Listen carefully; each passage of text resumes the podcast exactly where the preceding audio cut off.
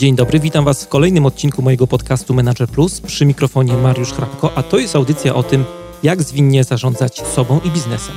Jeżeli chcecie, żeby coś zmieniło się w Waszym życiu i czujecie potrzebę ciągłego szlifowania swoich umiejętności, zapraszam do słuchania moich audycji.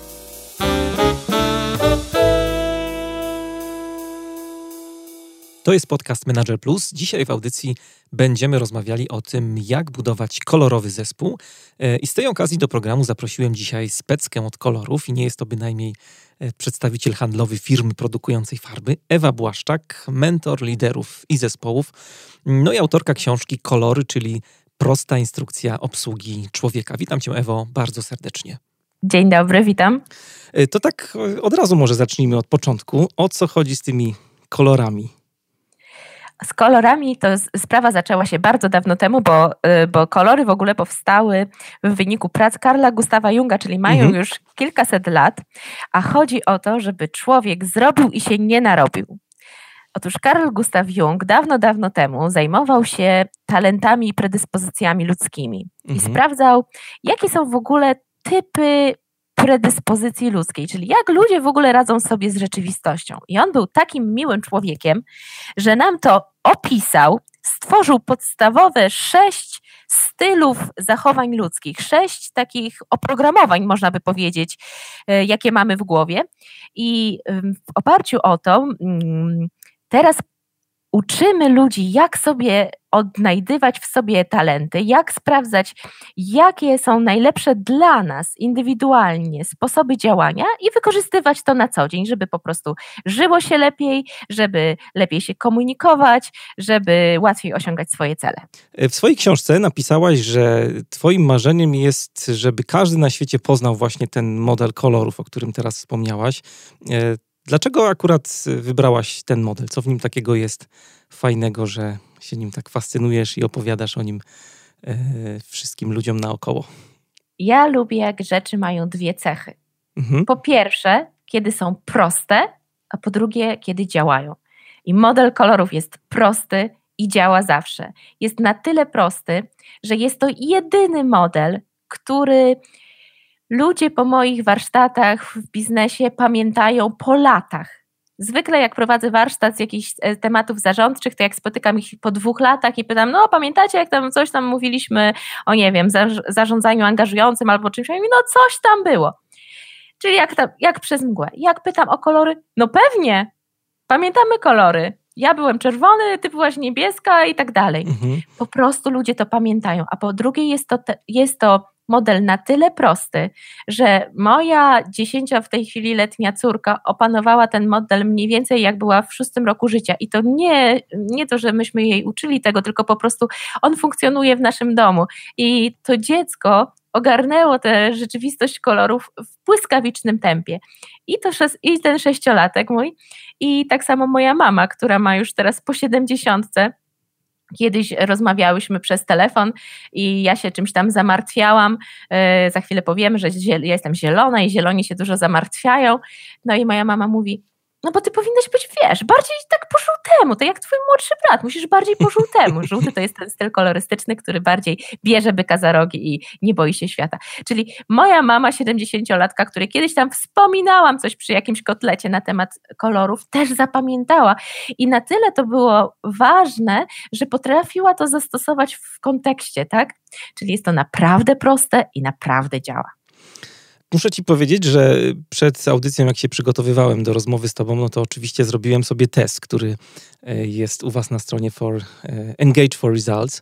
Tak. E, no i, i, tak chciałem o tych kolorach oczywiście pogadać, ale może byśmy tak zrobili to na przykładzie, na wynikach tego mojego testu, bo przyznam szczerze, że trochę jestem rozczarowany tym, co zobaczyłem. Jak to?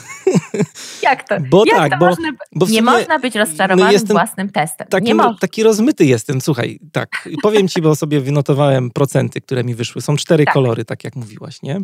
I tak. wyszło mi, że tak jak podejrzewałem, bo test zrobiłem po czytaniu książki twojej, mhm. no i wyszło mi tak, że 31% to jest niebieski. Podejrzewałem, że będę niebieski. Tak, ja też. Jak to ja też? No przecież chwilę rozmawiamy dopiero.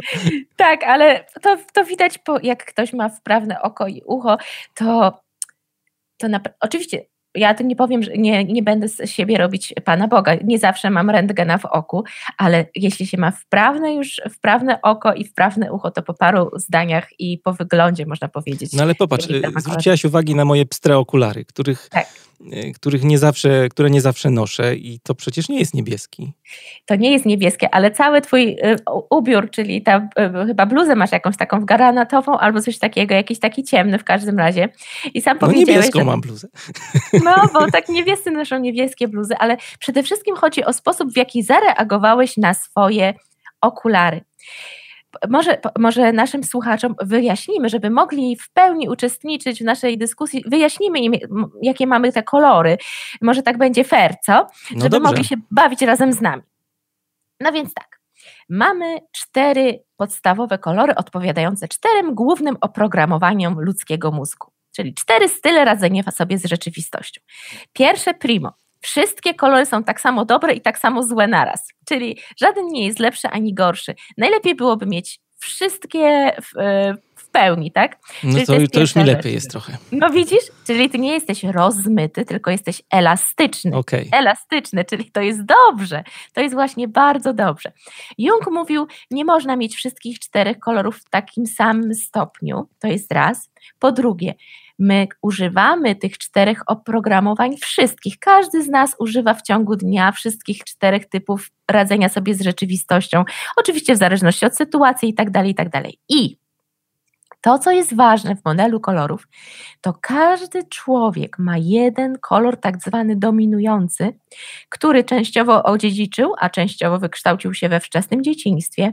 I ten kolor, identyfikacja tego koloru jest kluczowa, dlatego że to właśnie ten kolor będzie decydował o Twoich priorytetach w życiu, będzie decydował o sposobie, w jaki załatwiasz sprawy. Ten, ten kolor będzie mówił o tym, co Cię motywuje, co Cię demotywuje i tak dalej, i tak dalej. O tym, jak, jak regenerujesz energię. I bardzo ważne jest, żeby wiedzieć, który jest ten Twój kluczowy kolor, jednocześnie wiedząc, że masz, możesz posługiwać się wszystkimi czterema kolorami po prostu dobrze jest te cztery oprogramowania znać, żeby móc sobie je w, w, w dowolnym momencie uzupełnić. I teraz, jakie mamy kolory? Po pierwsze, mamy niebieski. Niebieski, te kolory niebieskozery są takie, a nie inne. Mówimy o nim, że to jest chłodny kolor, chłodny, niebieski to jest kolor chłodny. Niebieski to jest typ analityka, to jest człowiek, który z jednej strony patrzy na świat przez pryzmat myślenia. Czyli dla takiego człowieka ważne jest czy, to jest, czy coś jest prawdą, czy coś jest fałszem.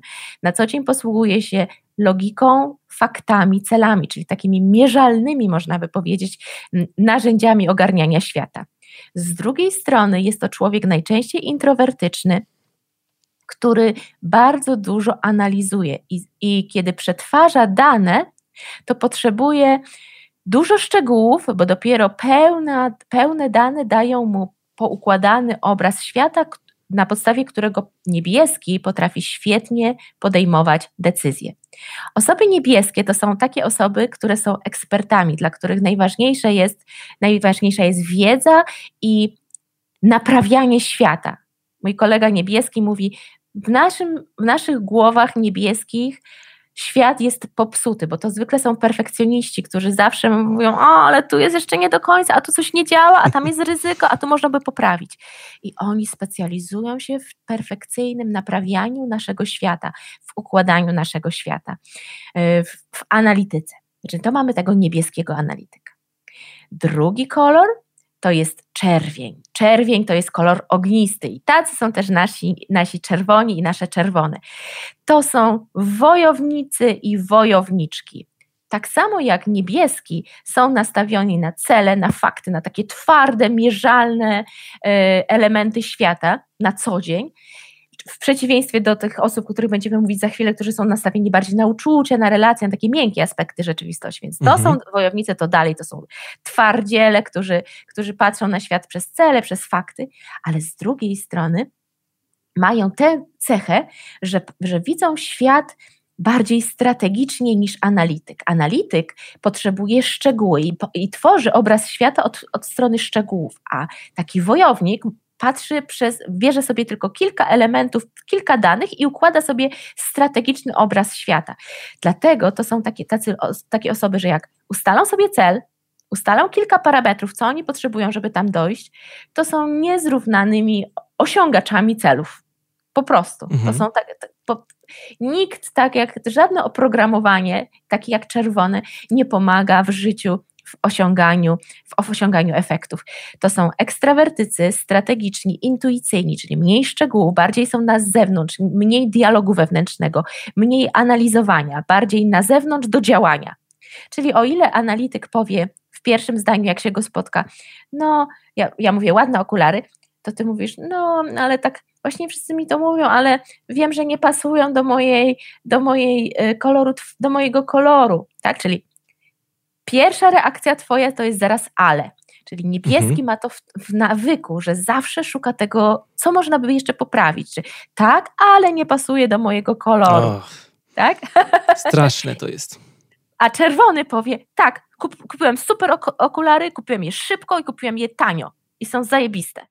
No, y, powiem ci, że y, tak a propos tego mojego koloru, no to jak czytałem twoją książkę, to no aż momentami jakieś ciarki mnie po plecach przechodziły, jak to się bardzo sprawdza. Na przykład Prawda? E, przeczytałem tam, że niebieski, no a propos ubioru, no to, to mówiłaś o okularach, ale też przeczytałem, e, to też było dla mnie dość przejmujące, że niebiescy lubią koszulę w kratę na przykład. No ja uwielbiam chodzić Naprawdę? w koszuli no w kratę. Kiedyś nawet jeden z klientów mi zauważył, że no czemu nie masz koszuli w kratę? Ty zawsze jesteś w koszuli w kratę.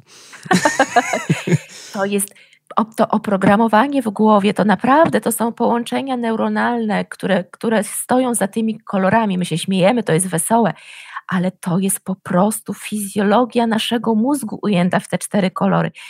To jest tak jak z, y, z czterema stronami świata. Ludzie często zarzucają modelowi kolorów, że jest zbyt uproszczony, ale stron świata też mamy tylko cztery, a można dojść wszędzie, nie? I trzeba wiedzieć, gdzie jest północ, południe, wschód i zachód, żeby się nie skupić. No dobra, ale obiecaliśmy naszym posłuchaczom, żeby, że, że, o, że ogarną wszystko, nie? Zanim, zanim będziemy, Jasne. No będziemy, to, to lećmy, do twojego lećmy modelu. dalej. Więc ma, mieliśmy czerwonego wojownika, niebieskiego analityka, teraz mamy żółty. Żółty to jest człowiek, którego chcesz mieć na podorędziu, kiedy są takie szare dni, jak teraz ja mam za oknem, nie wiem jak jest w Krakowie, ale tutaj w Warszawce mamy po prostu szaro, buro i nijako. I wtedy potrzebny nam jest żółty, bo żółty to jest człowiek już nie nastawiony na cele, fakty, logikę. Mhm. Dla niego najważniejsza jest atmosfera. Kawka. Drugi człowiek, kawka, imprezka, kreatywność, żeby się działo i żeby się działo z ludźmi i żeby było mega fajnie i kolorowo. I mają do tego naprawdę niesłychany talent. Czyli żółte to są, to są osoby ekstrawertyczne, takie na zewnątrz, takie do ludzi, które są świetnymi networkerami, potrafią z każdym zagadać, z każdym, każdemu sprzedać, z każdym wszystko załatwić, zrobią świetną imprezę, ale też mm, ja je cenię jako członków zespołu, będziemy mówić o zespołach. Mhm. Bo są niezwykle kreatywni, czyli rzuci im jakiś temat, że fajnie by było zrobić nowy, nie wiem, now, urządzić now, po nowemu y, salę konferencyjną. I oni będą mieli tysiąc pomysłów po prostu w 13 sekund. Co więcej, taki żółty czy taka żółto pójdzie się, przejdzie po pokojach i zorganizuje ludzi, ekipę w 3 sekundy, żeby to zrobić. I to są żółci. To są nasi inspiratorzy. Nazywamy ich inspiratorem, a żółty dlatego, bo są żółci jak słoneczko i ogrzewają każdą atmosferę. No i na koniec ja, czyli zielony. Zielony to jest człowiek do roboty. To jest, my go nazywamy realizatorem. To jest zielony, bo jest taki to jest kolor spokoju, takiej harmonii. I zielony to jest też introwertyk, podobnie jak niebieski, czyli ja też bardzo dużo analizuję, jestem bardzo szczegółowa, ale to wszystko, ta cała analiza nie jest dla realizacji celów, bardziej jest po to, żeby, żeby, żeby tak zrobić, żeby wszyscy byli zadowoleni. Czyli moim głównym zadaniem jest sprawić, żeby było wszędzie, wszędzie była harmonia i bezpieczeństwo i żeby, i żeby zrobić całą robotę, żeby wszyscy mieli to, czego im potrzeba. I w tym zieloni są świetni, czyli w budowaniu takiego przestrzeni bezpiecznej, gdzie wszystko jest zaplanowane, jest stabilnie, jest harmonijnie, gdzie, jest, gdzie sprawy się dzieją w swoim czasie, gdzie są odhaczane zadania.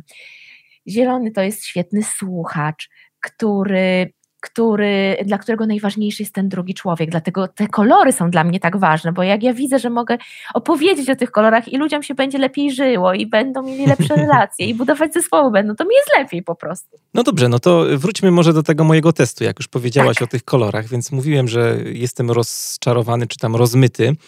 E, ale poprawiłaś, że tak naprawdę chodzi bardziej o elastyczność, bo wyszło mi, tak jak zacząłem mówić, że 31% to jestem niebieski, no i różnica jest niewielka dalej, 27% e, czerwony, spodziewałem się, że będę zielony, no ale wyszło, że jestem czerwony, no i później kolejny kolor, różnica 3%, zielony, 24% mam zielony, no i żółty jako ostatni 18%, więc tak to wszystko jest w miarę zbalansowane. no właśnie, I, to jest, i to jest ten niebieski, który za, jakby którykolwiek inny kolor zobaczył taki profil, by powiedział, no po prostu jestem mistrzem świata, teraz mam trzy kolory w takiej równowadze, to znaczy, że mogę wszystko. Okej. Okay. Po prostu możesz wszystko. Jung mówił, Jung mówił że najczęściej y, najczęściej, najczęściej ludzie mają jeden dominujący kolor i domieszkę drugiego. Dużo rzadziej spotyka się osoby, które mają w równowadze trzy style. To oznacza, że masz dostęp do trzech z czterech typów oprogramowań, czyli tak naprawdę masz pełną możliwą elastyczność, dlatego że czterostylowych osób praktycznie nie ma. Jung mówi, że nie ma, że nie występują w przyrodzie.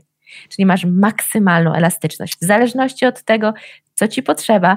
Może być, możesz bardziej być do ludzi, a możesz też skupić się na pracy indywidualnej, możesz skupiać się na celach, ale tak samo e, na tym świecie emocji i atmosfery i relacji. Ale i tak niebieski rządzi, muszę ci powiedzieć. Tak? tak. No właśnie, Super. jeszcze a propos tych opisów niebieskiego, to też sobie wynotowałem kilka rzeczy, które mnie rozwaliły i rozsmarowały na kanapce. Mianowicie podajesz przykład akurat e, swoich kolegów z firmy z For Results, jak e, piszą wpis na Facebooku, no to to jest dokładnie dokładnie tak, jak ja funkcjonuję. Czerwony, zero wierszy, woli nagrać film, no a niebieski, dla mnie wpis na Facebooku to jest no, przynajmniej jak doktorat, żeby coś takiego wpisać. Ostatnio jak polecałem twoją książkę, bo e, prowadzimy z Olą, z żoną e, dwie grupy facebookowe, Coaching Scrumie i Scrum Assistance. Polecamy sobie tak w poniedziałki zawsze jakieś lektury. O, i macie, i robicie skrama? O skramie? Tak, dwie grupy są takie właśnie o skramie. Scrum Assistance jest taką grupą, gdzie e, sobie pomagamy, to znaczy tam cała społeczność e, próbuje, każdy na bazie swojego doświadczenia rozwiązywać różne case'y. Jak ktoś ma jakiś problem, to może napisać. No i każdy e, bardzo fajnie stara się pomóc. Bardzo dojrzałe są te grupy, także jestem zadowolony. Nie ma, nie ma hejtu, nie ma jakiegoś tam też, to nie jest słup reklamowy, tylko faktycznie ludzie sobie e, pomagają. No ale wracając do e, tej książki w poniedziałek, bo polecałem twoją książkę o kolorach, no i napisałem na koniec właśnie po długim wpisie. Jak przeczytacie tę książkę, to będziecie wiedzieć, dlaczego robię takie e, długie wpisy długie. właśnie na Facebooku. tak, rzeczywiście. Dlatego, że w świecie niebieskiego liczy się precyzja, ponieważ niebieskie jest ekspertem, przywiązuje wagę do do wiedzy, do rzetelności, do poprawności. Tak. I jest też bardzo systemowy, czyli nie potrafi, tak jak czerwony potrafi wyjąć jakiś jeden wątek i skupić się tylko na tym, to niebieski cały czas, i to jest wasza ogromna zaleta, że widzicie cały czas system, całość i potrzebujecie... No mamy, już, e, mamy już z żoną takie słowo klucz wiewiórka. Ja nie cierpię, jak mi się przerywa i jak właśnie czasami Oli opowiada mi, nie wiem, jakiś, jakiś case albo coś, co się wiąże z naszym wspólnym projektem, który tam realizujemy, no i Ola nagle no, zmienia zupełnie temat, bo zauważy coś, no, taką wiewiórkę, która gdzieś skoczyła, mm. no to właśnie już jest hasło wiewiórka. E, I wie, że, że bardzo nie lubię, jak ktoś mi przerywa i jakby zaburza cały tok mówienia. Tak, ja się będę pilnować. Ja już zauważyłam, że ci przerwałam chyba ze cztery razy. No nie, no ja jestem będę... tak po prostu wytrącony ze strefy komfortu, słuchaj, że, że nie wiem, jak to się skończy. No ale dobra. Spróbujmy. Dobra. Y takie pytanie mam, które się nasuwa, jak ciebie tutaj słucham. Y czy ty jakoś nie cierpisz z powodu tego, że tak... No jesteś obtrzaskana w tych kolorach. Jak wygląda w ogóle takie twoje życie codzienne?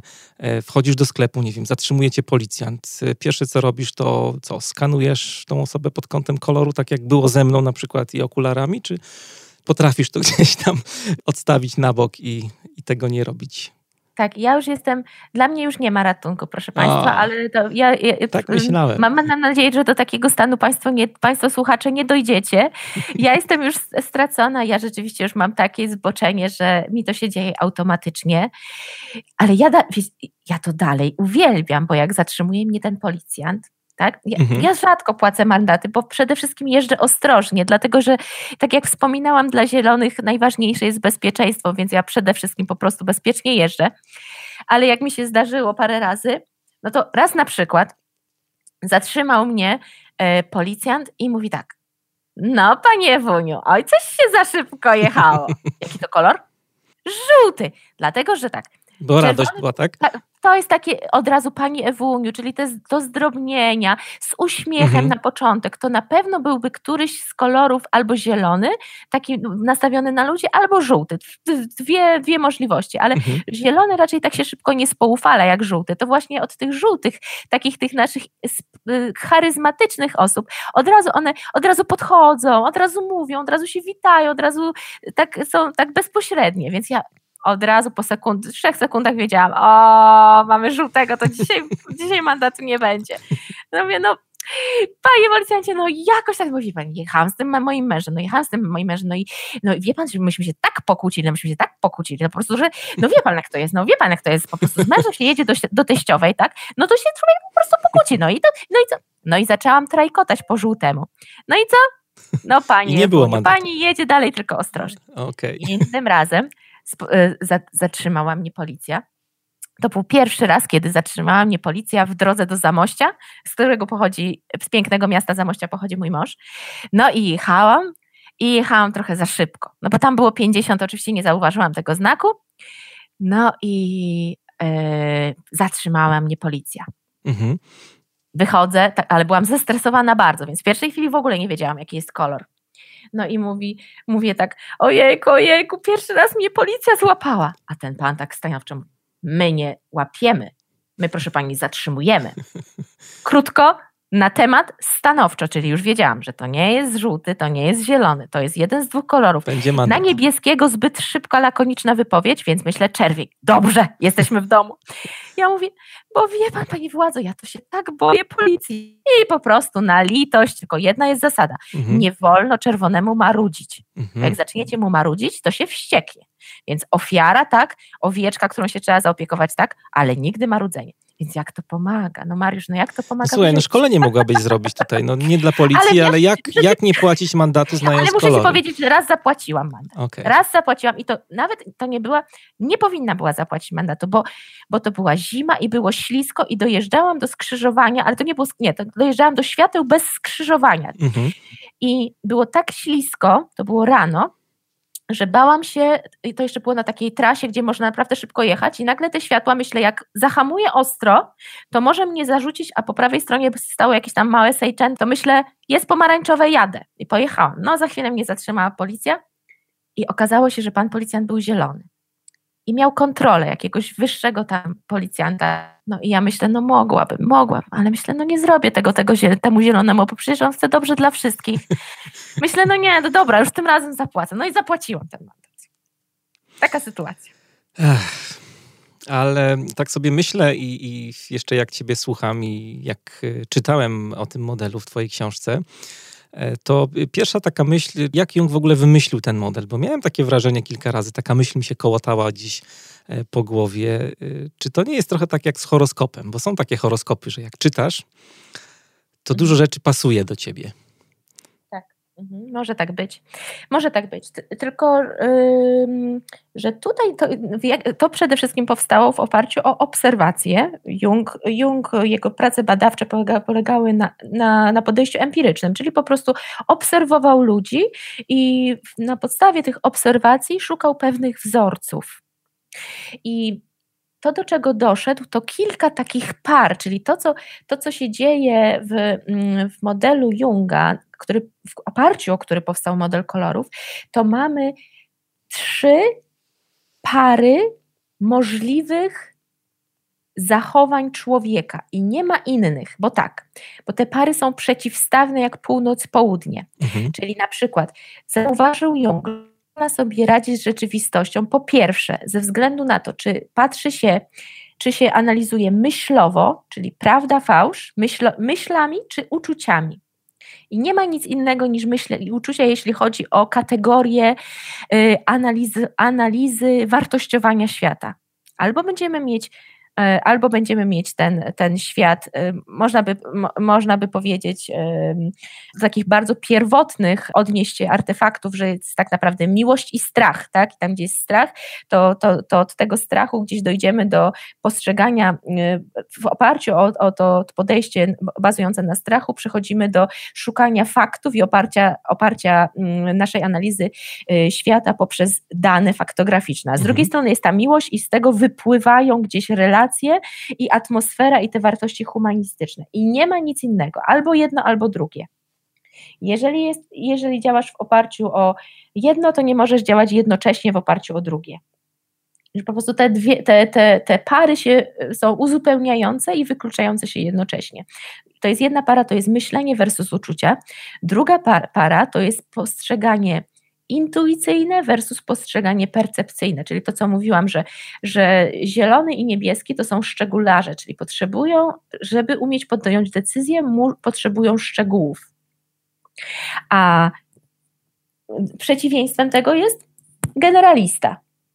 Nie da się być w jednej sekundzie i generalistą, i szczegularzem, bo albo patrzysz na, na dane szczegółowe, albo patrzysz na generalny obrazek i na wrażenie dotyczące rzeczywistości.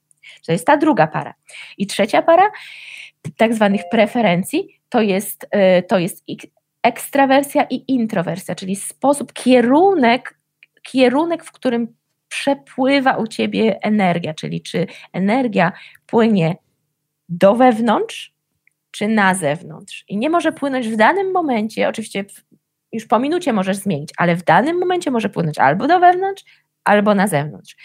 I w oparciu o te wykluczające się właśnie pary powstał ten model. Dlatego on jest dobry, bo to nie jest, to nie jest paleta, tak jak mamy 12 znaków zodiaku. I one, one częściowo nachodzą na siebie, one częściowo są podobne są wykluczające się pary, które jednocześnie się uzupełniają jak alfa i omega. Załóżmy, że jest taka sytuacja, że ktoś ma, no bo u mnie jest ta równowaga tych kolorów, tak jak e, żeśmy rozmawiali, e, ale tak. może się tak zdarzyć i pewnie się tak zdarza, że dana osoba ma bardzo dużą koncentrację na przykład niebieskiego albo czerwonego i tak dalej.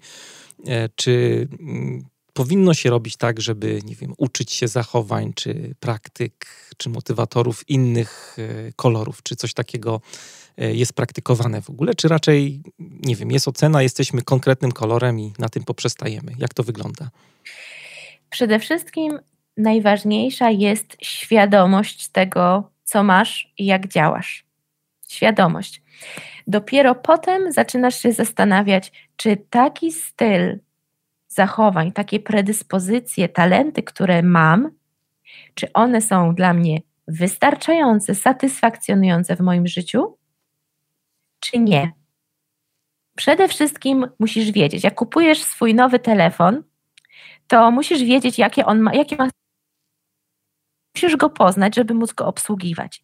I dopiero później, kiedy przychodzą różne zadania do wykonania, zastanawiasz się, czy ja potrzebuję dokupić apkę, czy nie potrzebuję dokupić apki. Może się zdarzyć, że w Twoim życiu, przy Twojej roli, którą pełnisz, przy Twoich y, marzeniach i tak dalej, ten styl, nawet jeśli masz bardzo jeden wyraźny, jest czerwony, ale ten styl bardzo ci odpowiada, on powoduje, że, że masz świetną pracę, którą kochasz i te predyspozycje właśnie świetnie się tam sprawdzają i masz super relacje i psa, i kota, i rybki i jesteś szczęśliwy i w ogóle nie chcesz się w ogóle rozwijać i to jest ok.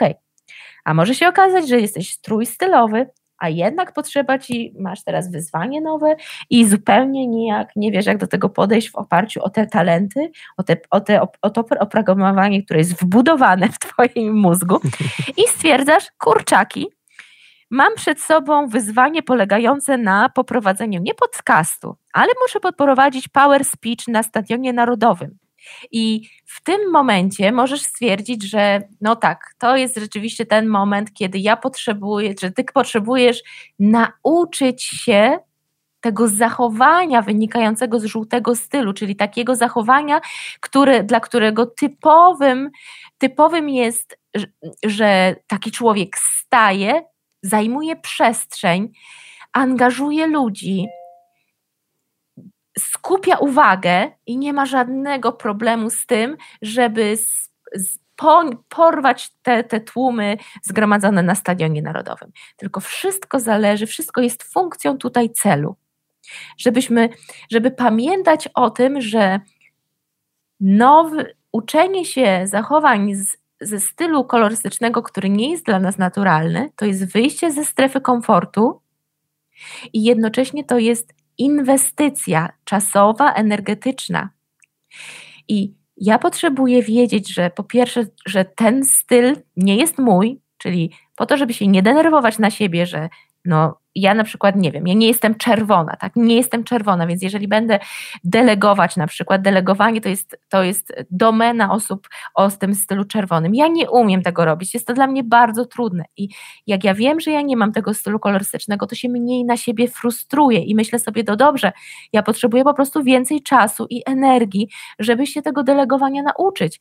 Ja potrzebuję warsztatu, z zarządzania, żeby się tego nauczyć. Czyli ja potrzebuję zainwestować w czas i mm, zainwestować swoj, swoją energię w nauczenie się nowego stylu.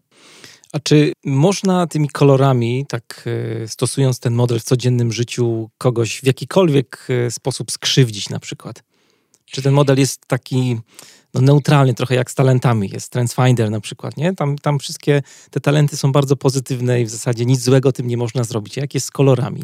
to jest bardzo podobne, do, tak samo jak w Strength Finderze. Każdy, każdy, każdy z tych talentów może być wykorzystywany w dobrej intencji, ale każdy z też z tych talentów może być wykorzystywany w złej intencji. Teraz jest nawet taka książka, polecam ją serdecznie, naszego partnera strategicznego, Roba Kaisera, który badał razem ze swoim e, partnerem e, Bobem Kaplanem, badali przez kilkadziesiąt lat e, przywódców i, i, i sprawdzali, co jest co powoduje, że przywódca osiąga sukces, a co, co jest y, przeszkodą na drodze do osiągania przez niego sukcesów.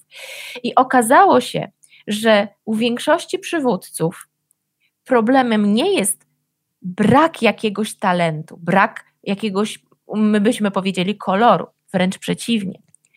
To, co jest największym ryzykiem tym kontekście, o którym mówisz, czyli ryzykiem, które, które może spowodować, że zranimy drugą osobę, jest, że nadużywamy własnych talentów. I tak nazywa się też książka yy, Roba Kaisera i Boba Kaplana Fear Your Strengths, czyli uważaj na swoje mocne strony, bo każdy z tych kolorów, i tak samo moglibyśmy użyć tutaj Strength Findera, o którym tu powiedziałeś, każdy z tych stylów może być użyty dobrze, czyli nasz wojownik może, może wykorzystać swoją czerwoną siłę do tego, żeby pociągnąć zespół, żeby osiągnąć bardzo ambitne cele, żeby ochronić ludzi, ludzi w czasie kryzysu, bo to jest człowiek, który działa szybko, który, który podejmuje decyzje, który jest pewny siebie i nie zważa na detale, które, które czasami przeszkadzają w osiągnięciu celu.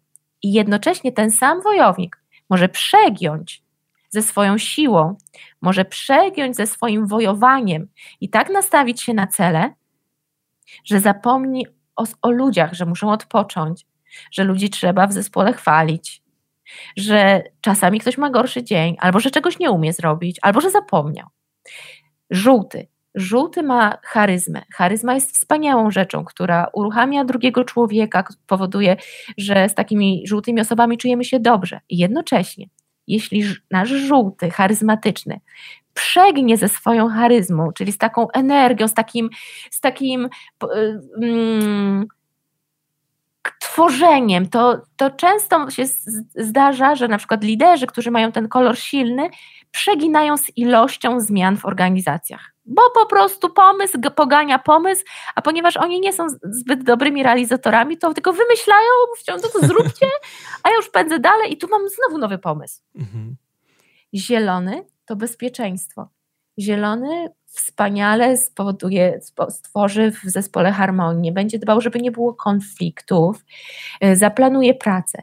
Ale wyobraźmy sobie, że przegnie ze swoją tendencją do porządkowania i bezpieczeństwa i nagle w obliczu konieczności drastycznych zmian będzie oporował, będzie, a po co, a czemu to jest nowe, a to będzie źle działało, działajmy po staremu, stare było dobre, sprawdzone, harmonijne i uporządkowane, nie róbmy tych nowych zmian. I to są często osoby, które jeśli przegną ze swoim stylem zielonym, mogą narobić dużo szkód, bo będą oporowały w zmianach, będą, będą marudziły, narzekały, blokowały nowe. Niebieski, jego zdolność analizy zdolność szukania dziury w całym uratowała niejednego człowieka i niejedną firmę. I jednocześnie, jeśli niebieski nasz przegnie z tym podejściem krytycznym, to rozwali niejedno spotkanie i e, takimi pytaniami bardzo krytycznymi, ale no tak, ale proszę Pani, ale te kolory, no gdyby taka byłaby hipotetyczna sytuacja, taka i taka, no to to się nie sprawdzi. A Pani Ewo, a czy to nie jest tak, że to nie działa w takiej i takiej sytuacji? I jeśli przegną takie osoby niebieskie z tym krytycznym podejściem, to również mogą czynić mm, po prostu szkody. Czyli każdy człowiek w relacji z drugim człowiekiem może z, narobić dobrego lub złego. To mhm. jest po pierwsze. Nie ma możliwości takiej, że my w ogóle nie wpływamy na, na otoczenie. Myślomową, uczynkiem i zaniedbaniem zawsze wpływamy na, oto, na otoczenie. Czy mówimy, czy nie mówimy? Czy powiemy takie słowo, czy inne? Nigdy też nie wiemy do końca, jaki jest efekt. Dlatego przede wszystkim ważna jest A. Intencja naszego działania, żebyśmy sobie zdawali sprawę, po co my coś robimy i jaka jest intencja za tym. Po drugie, właśnie jest świadomość kolorów, daje mi świadomość tego, że ja wiem, jakich ja narzędzi używam w stosunku do drugiego człowieka i mogę znając te narzędzia, te moje, to moje oprogramowanie, oprogramowanie tego drugiego człowieka, zmniejszyć prawdopodobieństwo szkód. Zauważać, że na przykład, o, ja tu przegięłam z tym stylem albo z tamtym stylem, albo y, ma, miałam do czynienia z osobą niebieską, a potraktowałam ją jak żółtą, tak? czym naruszyłam jej poczucie autorytetu na przykład. Czyli ja mam większą świadomość, większą, mogę unikać właśnie tych szkód. A po trzecie, to najważniejsze jest, żeby sprawdzać. Czyli tak jak ty wspominałeś o tym, że, że prowadzicie blog o Scrumie. Ja jestem Scrum Masterem, kocham Agile w ogóle i kocham Agile właśnie za to, że w Agile'u w, w, tym bardziej w Scrumie jest ten moment, że zespół się zbiera i, i rozmawiają o tym, jak pracowali w poprzednim okresie. Kto co robił złego, kto co robił dobrego, kto naczynił szkód, kto się źle odzywa, kto źle pracuje i tak dalej. Czyli ja wierzę przede wszystkim feedback, żeby sprawdzać, pytać się. Dotknęliśmy już tak e, przez tą Twoją wypowiedź tutaj, dotknęliśmy tematu zespołów, siłą rzeczy, tematu, o którym chciałem dzisiaj z Tobą porozmawiać. E, I może tak, jak już wyciągnęłaś z krama, E, to chciałbym Cię zapytać, e, jak kolory można by wykorzystać przy formowaniu, przy budowaniu takiego zespołu skramowego. I tutaj ten przykład e, myślę, że będzie ciekawy dla słuchaczy, bo zespół skramowy to jest taki zespół, który z jednej strony jest interdyscyplinarny, czyli zapewnia no, wszystkie kompetencje, które są potrzebne do E, wytwarzania produktu, a z drugiej strony ten zespół też sam organizuje pracę, więc jest dużo autonomii e, w działaniu tego zespołu. I jakbyś miała taki case, takie wyzwanie e, przed tobą, jako na przykład, nie wiem, konsultantem w firmie, to na co tutaj zwróciłabyś uwagę przy formowaniu takiego zespołu właśnie skramowego, zwinnego? Używając tak, ja, kolorów oczywiście. Tak, tak, tak. Ja to, to, to, to narzędzie kolorów nie tylko, żebym sugerowała, ale uważam, że jest konieczne do budowania szczególnie zespołów zwinnych i zawsze wtedy, kiedy buduję zwinne zespoły, to tego narzędzia używam. Dlaczego? Bo wyobraźmy sobie, że zespół skramowy to jest jak to jest tam powiedzmy do 5 do 9 osób, czyli wyobraźmy sobie, że mamy 9 różnych przyrządów technicznych, y, różnych, ele, różnych sprzętów elektronicznych w jednym, w jednym pokoju. Dziewięć różnych, które się mają same zorganizować. I poszczególne sprzęty nie, wie, nie wiedzą, jakie mają oprogramowanie i nie znają oprogramowania kolegi. Jak taki sprzęt ma się zorganizować? Jak ma działać? Jak ma tworzyć, tworzyć kreatywne, zachwycające klientów rozwiązania, jeśli nie wie, jak działa? Jeśli nie wie, jakie ma, jakie w ramach tego zespołu ma, ma, ma, talenty, jeśli nie wie, jak motywować, demotywować, co demotywuje, co motywuje poszczególnych członków zespołu, jeśli nie wiadomo, kto w danym zespole jest tym liderem, który może pociągnąć zespół, kiedy, kiedy jesteśmy, kończy się sprint, a nie mamy zrobiony, zrobiony do końca naszego inkrementu, albo nie wiemy, kto jest osobą, która wysłucha i załagodzi spory, albo nie wiemy, kto nam stworzy dobrą atmosferę, a kto jest potrzebny, jeżeli trzeba z, y, y, znaleźć bagi w naszym oprogramowaniu My to po prostu musimy wiedzieć.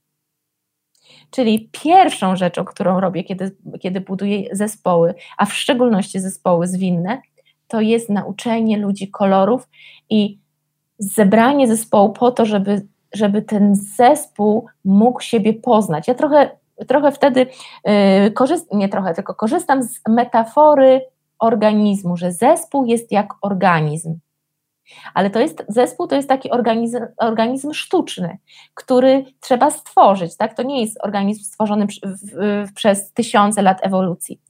Więc mamy taki sztuczny organizm nagle, kiedy tworzymy zespół. I pamiętam, I jest... pamiętam w książce takie fajne zdanie, które napisałaś, że e, by nie traktować zespołu na równi z dojrzałym pracownikiem, tylko żeby e, go traktować bardziej jako takiego dwulatka, bo mniej więcej ten organizm na tym poziomie funkcjonuje tak, też. Tak, no i właśnie tego dwulatka musimy nauczyć. Słuchaj, dwulatku, tu masz jedną nogę lewą i tu masz drugą prawą. Mhm. I zobacz, jak idziesz po schodach, to nie możesz podnieść obu nóg naraz, tylko najpierw lewa, potem prawa. Popatrz, to jest noga, a to jest ręka. Ręka umie to, a noga umie tamto. Spróbujcie się ręka, ręka z nogą skomunikować. Na przykład spróbuj dotknąć dwulatku prawą dłonią do lewej stopy. I to jest to, co my robimy, kiedy uczymy zespół kolorów. Uczymy ich, że w zespole ten człowiek jest naszą szyją, ten jest głową, ten naszym analitykiem, ten jest naszymi rękami zielonymi, ten jest żółtym inspiratorem, który, który w, czas, w czasie burzy mózgu będzie po prostu brylował. My się też uczymy komunikacji, czyli kolory też mówią, jak ja mam rozmawiać z tym drugim człowiekiem, żeby być najbardziej efektywną i żeby ta komunikacja była nie tylko efektywna, ale też przyjemna, co jest w przypadku Agile'a, czyli pracy, pracy najczęściej to jest praca kreatywna, to jest konieczne. My pracujemy nie tylko z mm, nie tylko nad produktywnością pracy zespołu, ale też nad tak zwaną pozytywnością, nad morale, czyli musi być dobra atmosfera. I, I tylko kiedy my dobrze znamy kolory, możemy rzeczywiście ten, tę masę plastyczną zespołu dobrze ukształtować. Też bardzo dobrze się sprawdzają kolory, kiedy robimy spotkania takie feedbackowe zespołów. Dużo trudniej jest ludziom powiedzieć na przykład, nie wiem, zielonemu, że, że słuchaj, mam wrażenie, że na ostatnich spotkaniach po prostu przeginasz z tym swoim zielonym. Czyli za dużo zielonego, nie? Bo tak mówisz, że to się boisz, a tam to może nie wyjść, nie? Za dużo zielonego. Weź tam trochę dosyp wojownika. To jest dużo łatwiej niż powiedzieć komuś, słuchaj, słuchaj, no po prostu oporujesz przez zmianami, no tak marudzisz na tych spotkaniach, no co ja mam jakiś pomysł, albo tam Zosia ma pomysł, to ty po prostu wszystko kilujesz, bo się nie da, bo zapracowana jesteś. No tak być nie może. Więc używanie też tego, mm, tego kontekstu kolorów po prostu ułatwia ludziom nazywanie mechanizmów, które się dzieją w zespole. A masz y, takie doświadczenia właśnie przy budowaniu zespołów, no zwinnych na przykład, y, z kolorami, czy, czy na przykład jakiś jest jeden kolor, który pasuje do takiego zespołu, czy raczej to powinna być taka kakofonia kolorów. Y, tych kolorów ma być dużo i ten zespół powinien być faktycznie kolorowy, jeżeli mówimy o takim zespole, e, który, który no, pracuje na zasadach autonomicznych na co dzień, jest interdyscyplinarny. Najlepiej byłoby, gdyby miał wszystkie kolory, bo wtedy mamy wszystkie style zachowań dostępne, czyli i tego, i, i podejście nastawione na cel, i podejście nastawione na ludzi, i analizę szczegółową i takie um, odważne, um, intuicyjne działanie naprzód. Więc najlepiej, jeżeli uda się zgromadzić um, zespół czterokolorowy, a jeśli nie, to patrzymy na mapę koloru takiego zespołu, czyli robimy sobie testy, testy w zespole uczestniczy, wszyscy, wszyscy członkowie robią testy i patrzymy. O, i wychodzi na przykład, że mamy zespół informatyków i nagle o 90% to jest niebiesko-zielonych, nie? Mhm. A, to dlatego mamy kłopot z podejmowaniem decyzji, a, to dlatego nam tak trudno iść jest do zespołu, tam do klienta i przekonać go do czegoś, tak mieć tą siłę perswazji. I wtedy taki zespół, można z tym zespołem rzeczywiście coachingowo pracować, czyli uczyć ich różnych zachowań, tak? Że dobra, jesteście niebiesko-zieloni, dobrze, że wiecie, takie macie oprogramowanie, to Wam się sprawdzi dobrze przy, przy tworzeniu produktów, a jednocześnie tu macie takie narzędzie X, Y, Z, które Wam pomoże A. sprzedawać, B. promować, C. działać y, w, w kryzysie i szybko podejmować decyzje.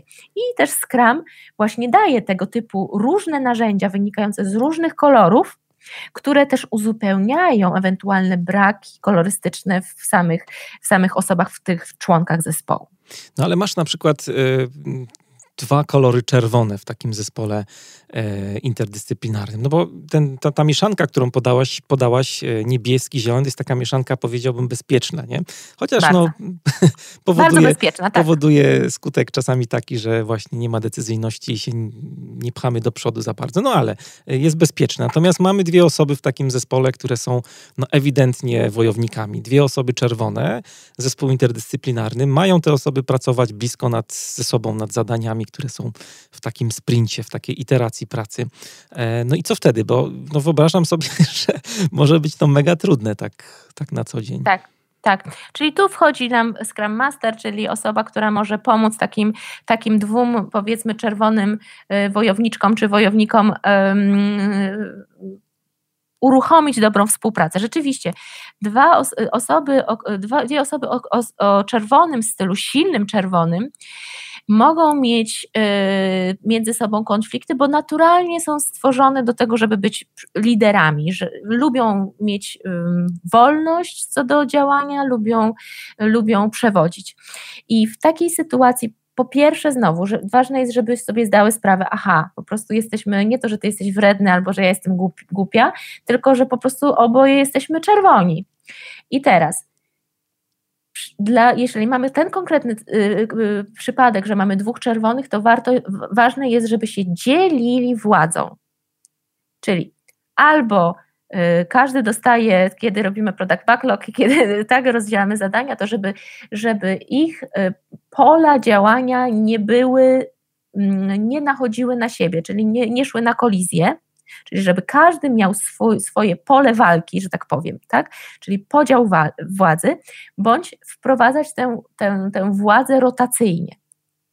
Czyli tu ważne są zasady, zasady, żeby tym zarządzić, bo jak jest na jednej bitwie dwóch generałów, to zwykle to się dobrze nie kończy. Hmm.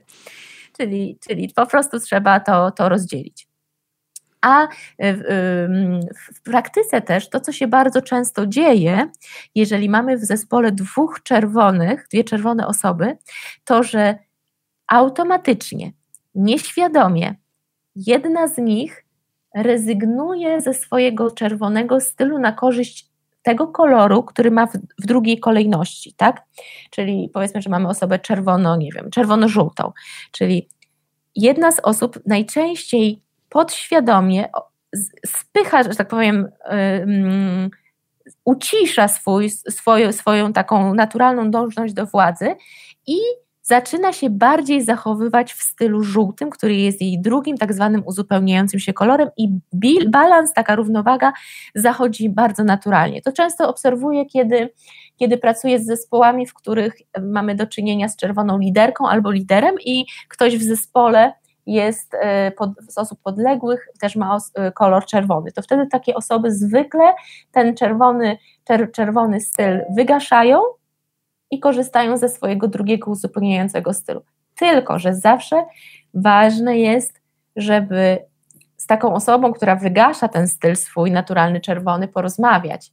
Bo to mo może jednak prowadzić do frustracji na, na dłuższą metę.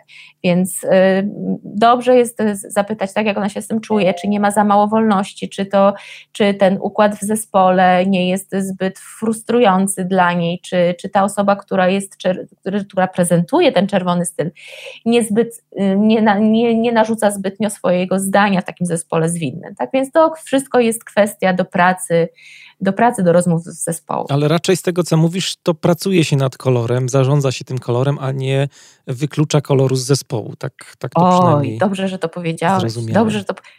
Po, powtórzmy to trzy razy. Zarządzamy swoim kolorem, a nie kolor nie jest ani usprawiedliwieniem, ani naszą stygmą.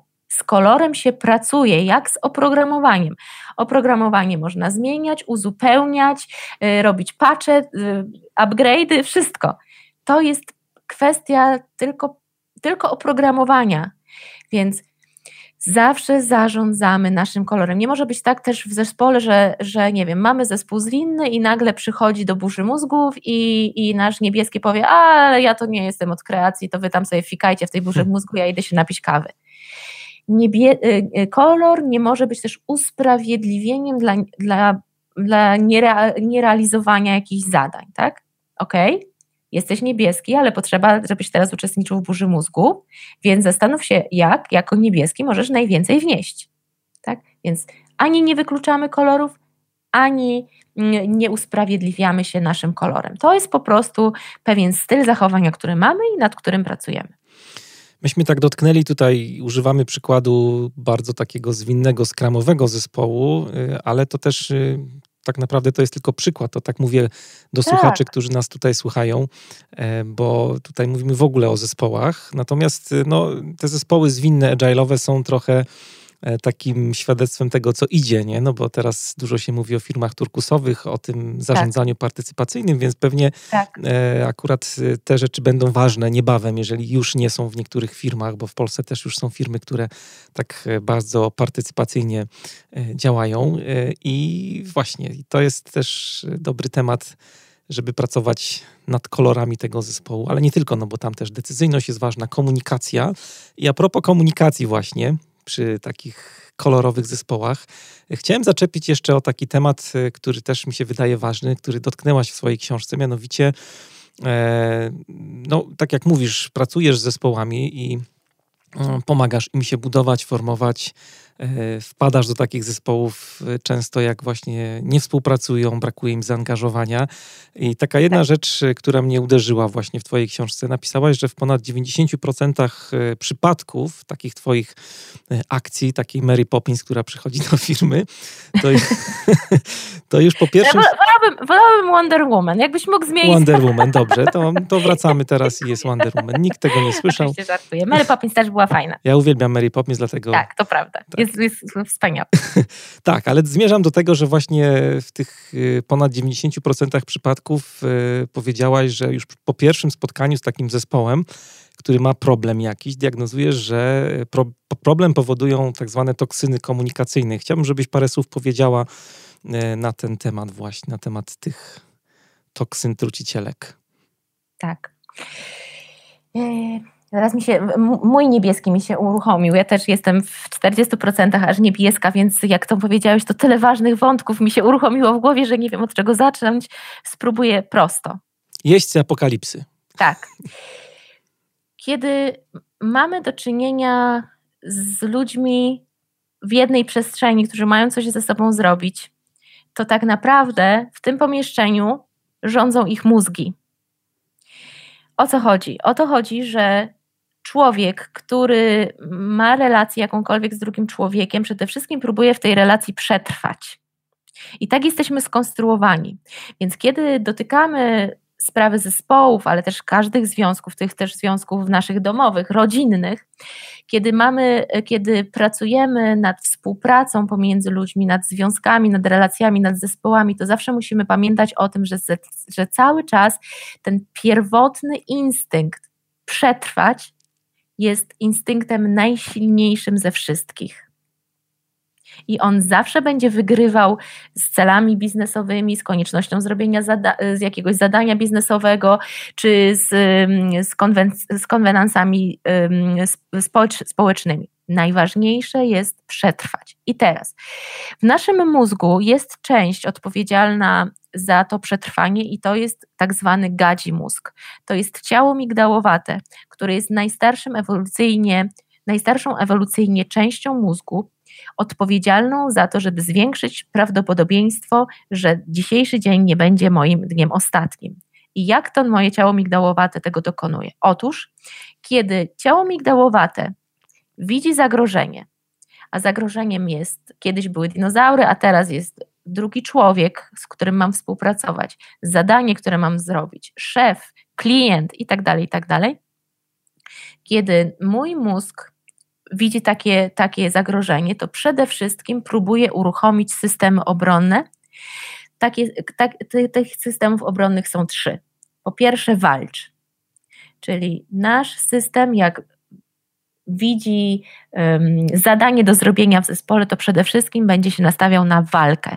Czyli to w, w, komunikacji naszej będzie się objawiało odpowiednimi słowami, czyli na przykład kto to wymyślił, dlaczego my to mamy robić, dlaczego to, to hmm. teraz, czy ten szef zwariował, a może klient zwariował, przecież my jesteśmy zarobieni. Czyli będzie krytykowanie, obwinianie.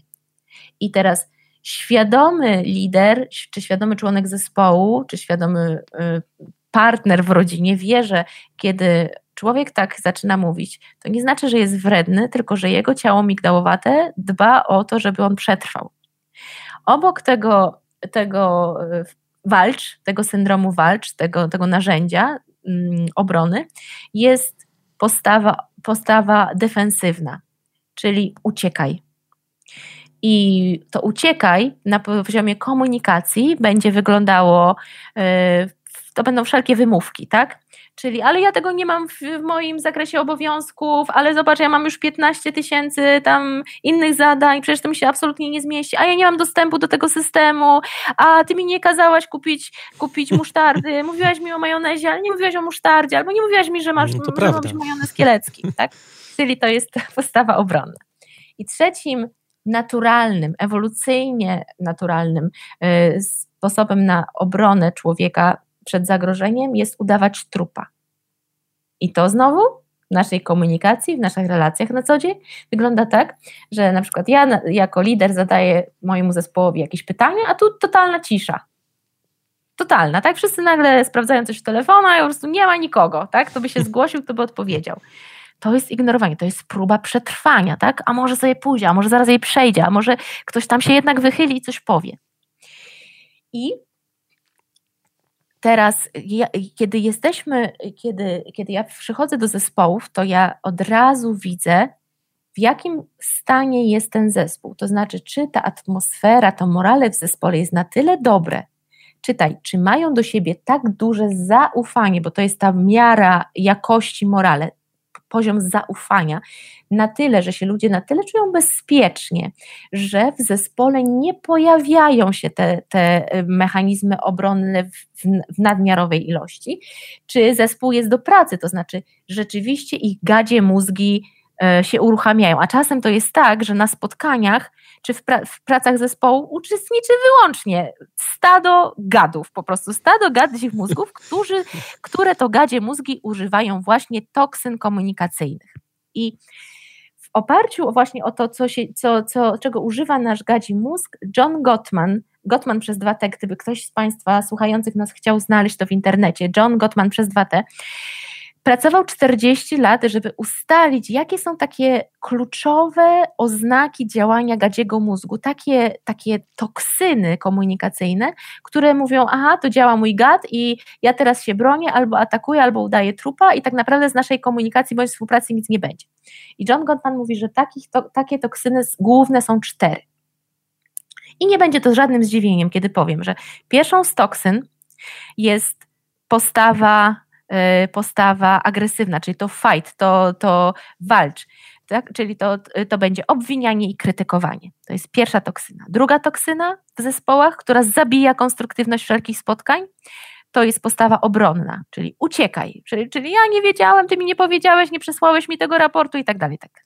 Trzecia toksyna, która zabija współpracę w, i, i relacje, to jest ignorowanie, czyli nie widzę cię, nie słyszę cię, kiedy ty do mnie mówisz, to ja piszę w komputerze, nie odpowiadamy sobie na maile, e, ignorujemy prośby o, o pomoc w zespole. Udają trupa. Udają trupa. I teraz John Gottman, jest jeszcze czwarta, ale to zostawię sobie, sobie na, na deser. John Gottman zbadał, że jeżeli zespół, czy akurat John Gottman badał najmniejsze zespoły świata, czyli związki małżeńskie, jeżeli w takim związku małżeńskim stosowanie tych czterech toksyn jest już zwyczajem, czyli to nie jest od czasu do czasu, bo każdemu od czasu do czasu gad się uruchamia, ale jeśli już mają taki zwyczaj obwiniania się, postawy obronnej, ignorowania, to taki związek skazany jest na rozwód. Jest jeszcze jedna toksyna, która, o której John Gottman powiedział, że jest najlepszym predyktorem rozwodu. A John Gottman wie, co mówi, bo sprawdzono, zbadano Johna Gottmana i on potrafi przewidzieć, czy dana para się rozwiedzie, czy nie, z 95% dokładnością, odsłuchując 5-minutowego nagrania rozmowy danej pary. 95% Nieźle. dokładności. Więc człowiek wie, co mówi. I najgorszą toksyną komunikacyjną jest pogarda. Pogarda jest mieszanką tych trzech podstawowych yy, narzędzi naszego gadziego mózgu. Pogarda to jest w, w ramach pogardy mamy sarkazm, cynizm, ironię, umniejszanie, Czyli wszystko to, co pokazuje, ty jesteś gorszy ode mnie, ty jesteś nic nie wart, twój pomysł jest głupi, jest śmieszny i wszystko kończy się wstydem. To jest ta toksyna, która powoduje, że na koniec mamy zawstydzenie. I to jest najlepszy predyktor rozwodu. I tak samo w, w zespołach biznesowych, jak widzę, że jest duży poziom sarkazmu, to wiem, to nie jest, że ja przewiduję, ja wiem, że ten zespół nie będzie kreatywny, bo tam nie ma bezpieczeństwa wystarczającego, żeby ludzie wychodzili z odważnymi pomysłami, żeby się spierali o merytoryczne sprawy, żeby czuli bezpieczeństwo, że się nie wygłupią. Takie zespoły nie osiągną wiele w biznesie. I najczęstszą, najczęstszą formą pogardy w zespołach jest sarkazm. Chociaż sarkazm jest domeną też osób takich no, inteligentnych, czasami jakieś takie żarciki, nie żarciki, nie? To nie, nawet nie czasami. Żeby mózg wyprodukował sarkazm, to w przeciwieństwie do innych typów komunikatów, do produkcji sarkazmu człowiek musi użyć jednocześnie lewej i prawej półkuli mózgu, bo sarkazm składa się z, wiesz, takiej z, z pozytywnej informacji, i pod tym jest negatywna intencja i to trzeba połączyć. Do tego trzeba użyć jednocześnie dwóch półkul mózgowych, nie każdy to potrafi, dlatego inteligentni ludzie są w tym lepsi i odwrotnie. Sarkazm jest, jest jakby cnotą ludzi inteligentnych, z których bardzo, bardzo często ludzie inteligentni się tym szczycą, że potrafią rzucać ciętymi ripostami, tylko nie wiedzą o tym, jakie spustoszenie to sieje w zespołach, że jeżeli jakaś osoba jest ciągle poddawana pogardzie i też sarkazmowi, to na tej podstawie można ustalić, ile będzie miała chorób, y, na ile chorób zakaźnych zachoruje w najbliższych czterech latach. Dlatego, że pogarda powoduje, że my z jednej strony nie chcemy pokazać, że nas to dotknęło, tak jak ktoś nam na przykład mówi, a co ty tam robisz w tym, w tym skramie, to jakieś tam zabawy, wy się tam tylko tymi postitami bawicie. tak? Czyli to jest, no tak, to jest niby żart, ale jest w tym ta, ta szpila, i teraz my się śmiejemy, bo to jest śmieszne i wypada się śmiać, ale to nas dotyka, bo to dotyka naszej, naszego poczucia tożsamości, tak? Mnie jako Scrum Mastera, jak ktoś mi tak mówi, albo że coachingu, a już coachingu to już w ogóle, nie? O, witam księżną coachingu, nie? Ty to masz łatwe życie, tak gadasz, tak gadasz i pieniądze same lecą. Tak? Ludzie się śmieją, ja się śmieję z tego, a, a, ale to dotyka mojej tożsamości i te, te emocje, które ja mam w tym momencie, ja je spycham do podświadomości i one naruszają mój układ immunogenny. Taka sprawa jest. Także wyeliminujcie toksyny. Jak pracujecie z jakimkolwiek zespołem albo macie relację, na której Was zależy, relację prywatną, to na wszystko zaklinam Was, słuchacze nasi drodzy. Sprawdźcie, czy w waszej relacji, w waszym zespole są obecni przede wszystkim pogarda, sarkazm, ironia, cynizm i to w ogóle kilujcie. Po prostu tak, po no prostu... No właśnie, ale, ale jak to zrobić? Bo tak fajnie się o tym mówi i też budujemy pewną świadomość słuchaczy wokół tego tematu, ale no wiesz jak to jest w zespołach. No czasami się tak ludzie e, wkręcą w temat i, i ten sarkazm leci z lewej i z prawej strony. Jak można sobie z tym radzić? I opracowałam metodę jak to moja metoda, ponieważ to jest moja metoda, to musi być prosta i działać. Składa się z trzech słów. Dajesz. W ogóle cała się nazywa END i każde, każda literka coś znaczy. E to znaczy educate. Najważniejsze, żeby ludziom powiedzieć, że są takie toksyny. Że to jest, czyli zbierasz zespół albo u mnie w domu wszystkie moje dzieci o tym wiedzą, my mamy to omówione, czyli słuchajcie dzieciaki, Nieźle są takie cztery toksyny, które nam nie pomogą współ, współpracować tutaj w domu i to jest obwinianie, postawa obronna, ignorowanie siebie wzajemnie i pogarda, w tym sarkazm. I tego u nas w domu nie będzie, bo to ma takie i takie konsekwencje, o których przed chwilą powiedzieliśmy, tak? Że to rozwali nasz zespół, będziemy się na siebie denerwować, będziemy chorować i my tego nie chcemy. To jest punkt pierwszy, educate. I w zespołach rzeczywiście to zajmuje tam ile? 5 minut, żeby o tym opowiedzieć, powiedzieć, słuchajcie, jest John Gottman, on badał już 40 lat i wie chłopak, co mówi, więc są takie toksyny, bach. Drugie słowo, N jak name it, name it, to jest najważniejsze. Trzeba pamiętać, że te toksyny komunikacyjne to jest pasywna agresja tak zwana, czyli taka nie wprost, nie, że tam dajecie po mordzie, tylko to, to jest taka agresja w przebraniu.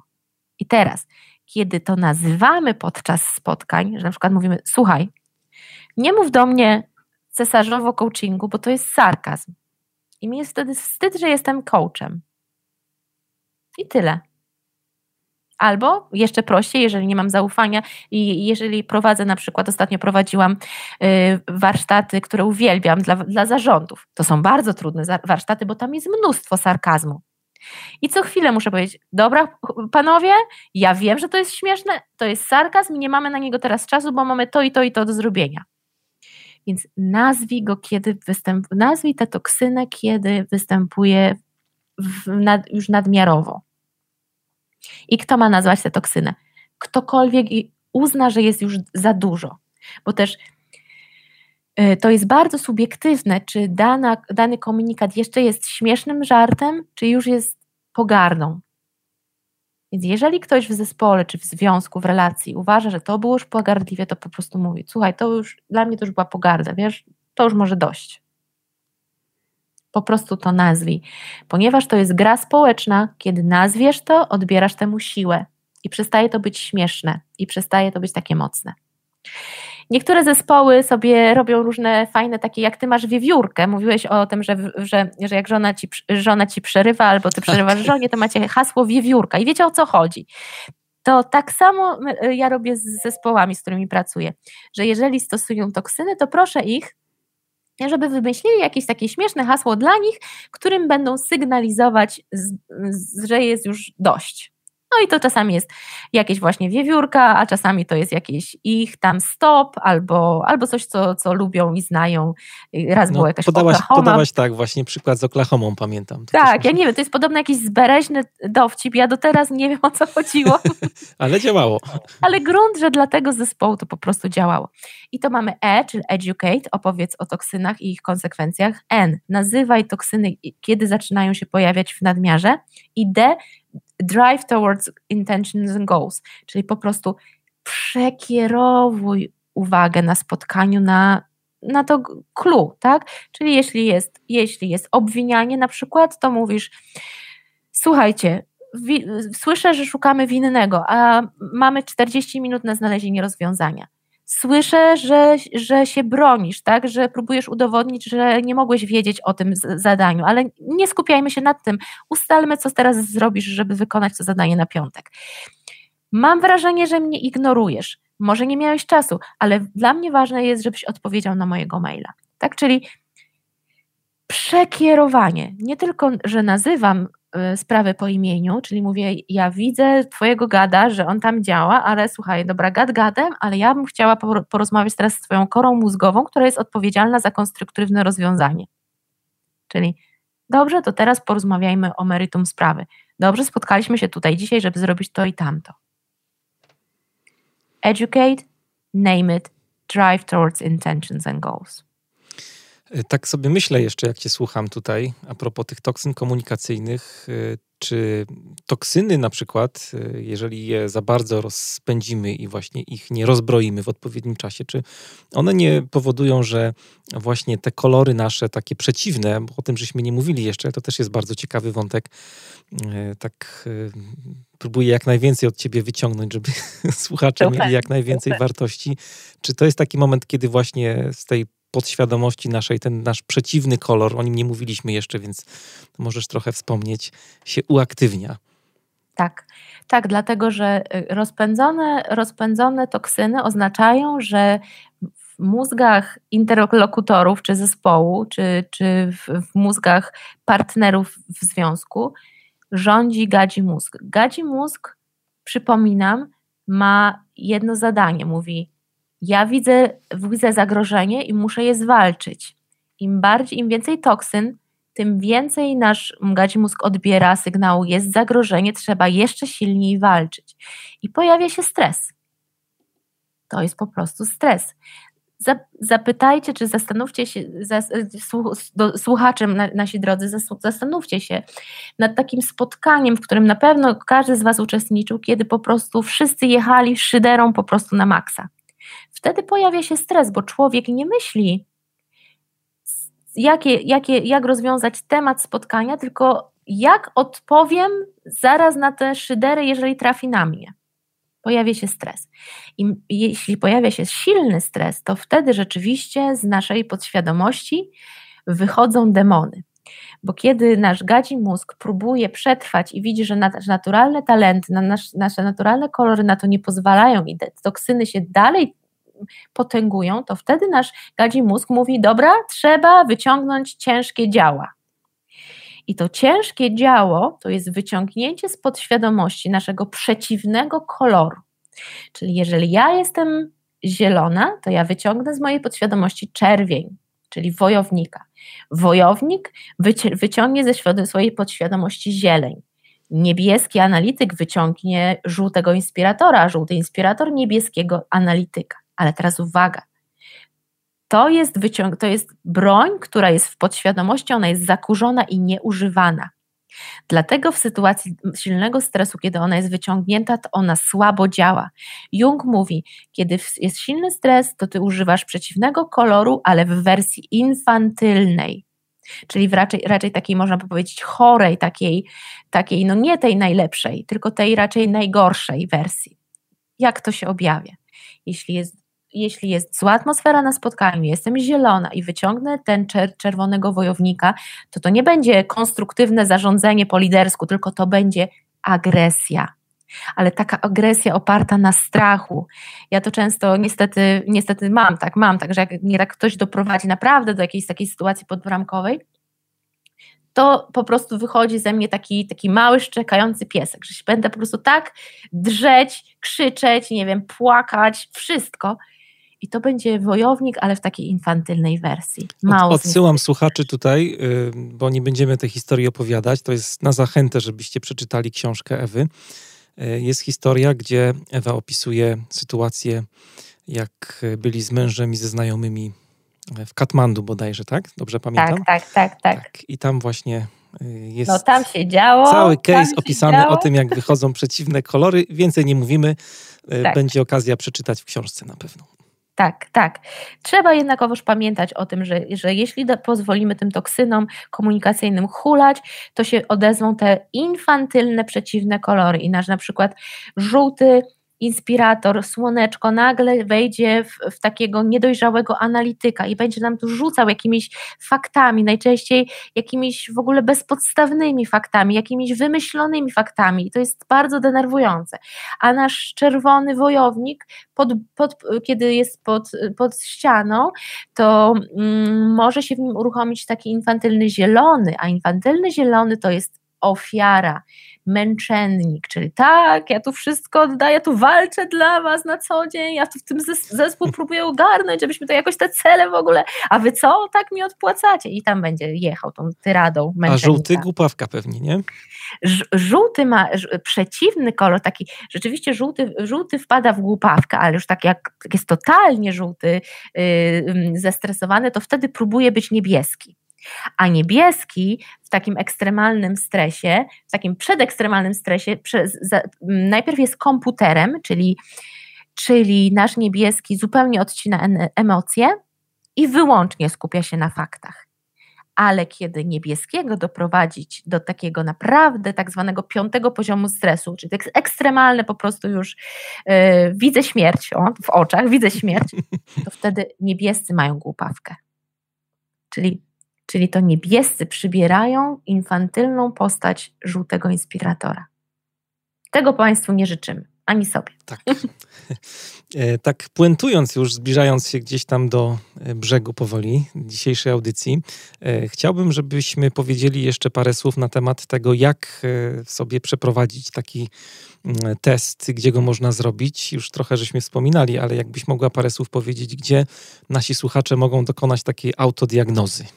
Zapraszam serdecznie na moją stronę internetową ewablaszczak.com ewablaszczak.com Tam w sklepie znajdziecie Państwo i książki we wszystkich ulubionych formatach, y, czy tam audio, czy, czy e-booka, czy, czy wersji drukowanej oraz test Test jest online, więc łatwo, szybko się go wypełnia i otrzymuje się spersonalizowany raport, który pokaże, tak jak w Twoim przypadku, Mariuszu, jakiego koloru macie w jakiej ilości. Wszystko jest wyjaśnione, wytłumaczone, podana jest też instrukcja obsługi człowieka, którą warto od razu. Tak, raport jest bardzo szczegółowy, także zachęcam, bo dużo się można dowiedzieć o sobie.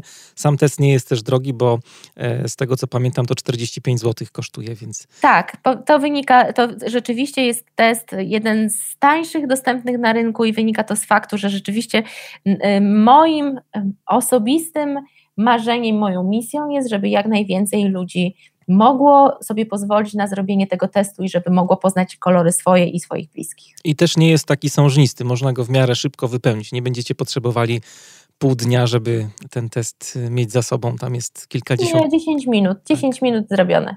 Tak. E, a propos Twojej książki jeszcze, e, to mamy dla słuchaczy, już tak e, kończąc, przygotowany konkurs. Tak. Nagrodą będzie właśnie książka Ewy. Tak, będzie książka. Będziemy mieli książki w nagrodę i będziemy mieli, mieli test. Testy o, tak. To myślałem, że książki tylko książka testy. będzie, także fajny bonus. Ale to, nie, no to na bogato. na bogato, bo, bo test też warto, warto wypełnić, także będzie, kto, może, y, może dwa różne zadania damy. Dobra. Inne na książkę, inne na test. Dobra. Czyli będzie jedna książka i jeden test do wygrania. Tak. Dobra. To teraz co trzeba zrobić, żeby wygrać test i co trzeba zrobić, żeby wygrać książkę? Dobrze. To żeby wygrać książkę, to trzeba o, o, napisać wiersz napisać wiersz o swoim zespole. To może być zespół biznesowy, ale to też może być ten zespół nasz rodzinny, czyli nasze, nasz, e, ja i mąż, ja i partner, albo może być moja rodzina i dzieci. I napisać wiersz o naszych kolorach i, i o talentach wynikających z, z kolorów naszego zespołu. Króciutki, rymowany, wesoły, taki wierszyk na pewno dobrze się sprawdzi, żeby integrować jeszcze bardziej zespół i żeby podkreślać, jakie wspaniałe, różne mamy talenty w naszym zespole biznesowym czy życiowym. To jest pierwsze zadanie na książkę, czyli powtarzam, napisz wiersz opisujący Twój zespół biznesowy bądź ten zespół rodzinny, który będzie pokazywał, jakimi różnymi kolorami jesteście i jakie talenty z tego wypływają. To jest pierwsze zadanie. A żeby zrobić, żeby zrobić, y, żeby zasłużyć na test, to trzeba coś o sobie, bo test jest indywidualnym podejściem, więc o sobie. Więc dla potrzeb testu poprosimy Państwa, żeby Państwo napisali swoje przewidywanie co do tego, jakim jesteście kolorem i trzy cechy, które będą udowadniać, że rzeczywiście to jest, że rzeczywiście takim kolorem jesteś, czyli trzy cechy typowe dla danego koloru. I to będzie ciekawe zadanie dla Państwa, bo już wkrótce potem będziecie mogli sprawdzić, czy Wasze przewidywania się sprawdzają, czy wręcz przeciwnie. No i na Wasze odpowiedzi oczywiście czekamy do czwartku. W piątek e, ogłosimy wyniki. Odpowiedzi zgłaszajcie w komentarzach pod e, dzisiejszym odcinkiem. No i z nadesłanych propozycji wybierzemy jedną odpowiedź, która dostanie książkę i jedną odpowiedź, czy też osobę, która e, dostanie test. Zachęcam bardzo do wzięcia udziału w konkursie. Książka jest świetna. Tutaj wiele razy ją reklamowałem. Bardzo jest tak napisana że da się ją zrozumieć. Także mimo, że są tam takie trudne tematy, to jednak Ewa bardzo ma duży dar i lekką rękę do pisania. Może dlatego, że część tej książki pisałaś e, w Tajlandii, tak? Gdzie nie tak. rozpraszały cię różne tam to dziwactwa. Wkrótce się wybieram kolejny raz, bo chcę napisać właśnie e, książkę, e, prostą, prostą łatwą i przyjemną książkę dotyczącą Agile'a. Ale to, to jeszcze, jeszcze jest pieśń przyszłości. Słuchaj, to jeszcze taka e, jedno pytanie, które często zadaję gościom na koniec. Jakbyś miała taki magiczny guzik przed sobą, jak wciśniesz ten guzik, to każdy lider współczesny przeczyta książkę, którą im polecisz. Jaką książkę byś im poleciła do przeczytania? Nieskromnie powiem, że kolory. No ale oprócz kolorów. Oprócz kolorów. Patryka Lencioniego Pięć dysfunkcji pracy zespołowej. Pięć dysfunkcji pracy zespołowej. Patryk, Patryk Lencioni, tak, Lencioni przez C, Patryk Lencioni, pięć dysfunkcji pracy zespołowej. I to jest książka, która mówi, jak ważne, o pięciu podstawowych dysfunkcjach, u których podstawy leży brak zaufania. I jak kluczowym elementem jest budowanie zaufania, bo to, bo to zaufanie, kiedy mamy, to oznacza, że znamy się, i tu pomagają kolory, znamy się, jesteśmy dla siebie przewidywalni, potrafimy ze sobą współpracować i wtedy dopiero przenosimy góry.